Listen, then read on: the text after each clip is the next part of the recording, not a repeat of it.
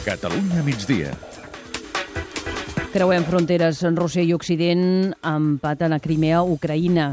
El Kremlin s'ha queixat que els occidentals no hagin entès els esforços del president rus, de Vladimir Putin, per rebaixar la tensió, però en aquesta república autònoma ucraïnesa ja són 30.000 els soldats russos desplegats segons els guardafronterers ucraïnesos, el doble de la darrera xifra donada per Kiev tropes sense distintius que, malgrat parlar rus i moure's amb camions russos, Moscou mai ha reconegut com a seves. Trepitgem el terreny amb els enviats especials de Catalunya Ràdio, amb José Antonio Rodríguez i Anna Cortades, que són a Sebastopol. Anna, bon dia.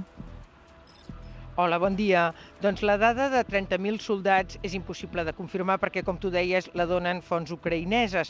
Però el que sí que es pot confirmar és que els soldats sense identificació segueixen rodejant les casernes i bases dels ucraïnesos, com la de Perelamboine, on aquest matí una vintena de militars feien guàrdia sota la pluja sense perdre de vista els soldats ucraïnesos tancats a l'altre costat de la reixa.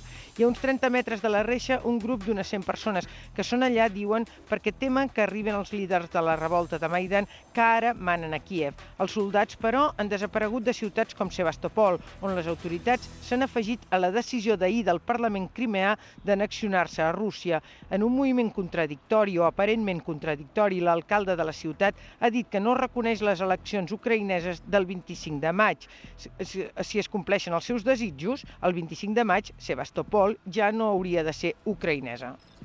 Gràcies, Anna. Bon dia. Bon dia.